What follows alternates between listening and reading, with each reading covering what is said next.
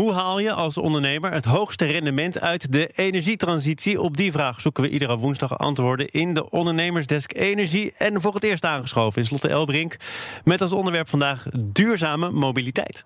Klopt helemaal, want we zitten natuurlijk midden in de energietransitie.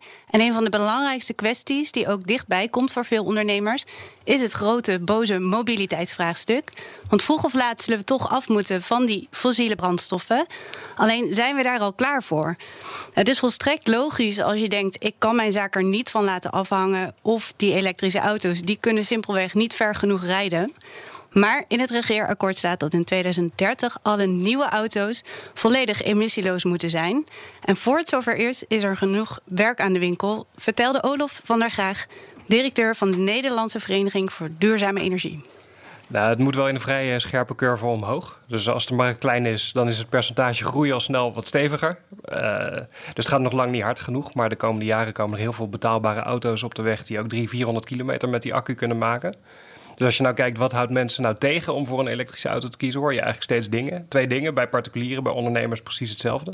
Het eerste is de prijs. Mensen schrikken nog van het prijskaartje. En het tweede is dat mensen bezorgd zijn dat de accu snel leeg is en dat ze hun bestemming niet gaan halen. Nou, dat zijn reële zorgen. En die zullen de komende jaren snel worden ingehaald door de marktontwikkeling.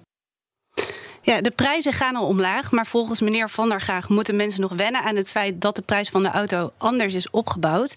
Je doet eerst een grotere investering, maar daarna ga je die terugverdienen. Uh, benzine is namelijk veel duurder dan stroom. Elektrische auto's kosten minder in het onderhoud en ze gaan ook een stuk langer mee. Dus een, een benzine- of dieselauto die is meestal na 200.000, 250.000 kilometer wel een beetje op. Nou, voor zo'n elektrische auto die kan wel een half miljoen tot een miljoen kilometers gaan maken. Dus dat ding gaat gewoon twee, drie keer zo lang mee. En uh, daarom moet je niet alleen maar blind staren op het prijskaartje, maar moet je gewoon kijken wat kost, uh, wat kost die auto over de hele levensduur. En dan is mijn uh, voorspelling dat die snel concurrerend gaat worden. Maar daar kan de overheid natuurlijk een handje in helpen met de belasting.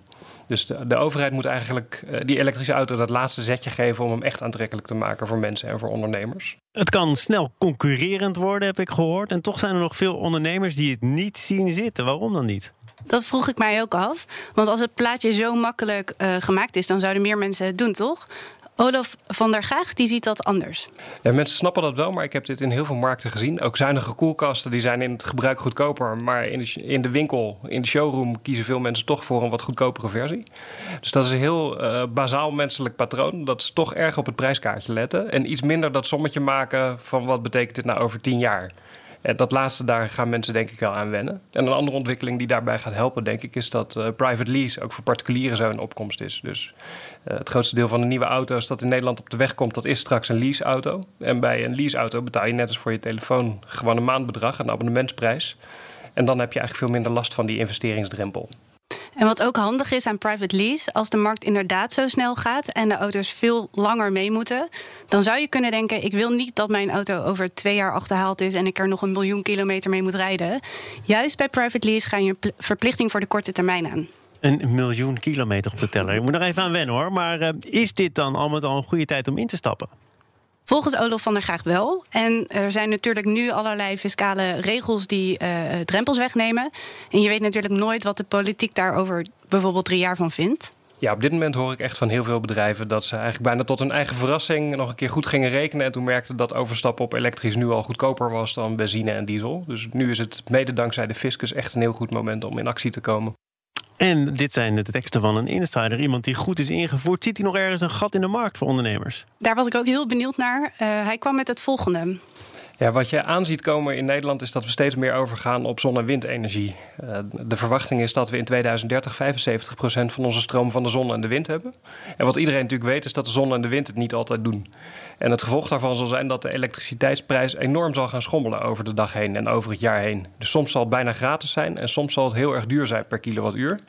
En wat nou het mooie is van die batterijen van die elektrische auto's, die kun je als buffer gebruiken. Dus waar ik verwacht dat een markt gaat ontstaan, dat is voor partijen die uh, zon- en windstroom op weten te slaan als die heel erg goedkoop is. En die terugleveren aan de markt wanneer de stroomprijs heel erg hoog is. Daar gaan echt nieuwe verdienmodellen ontstaan. En ondernemers die daar nu inspringen, die kunnen daar als eerste van profiteren.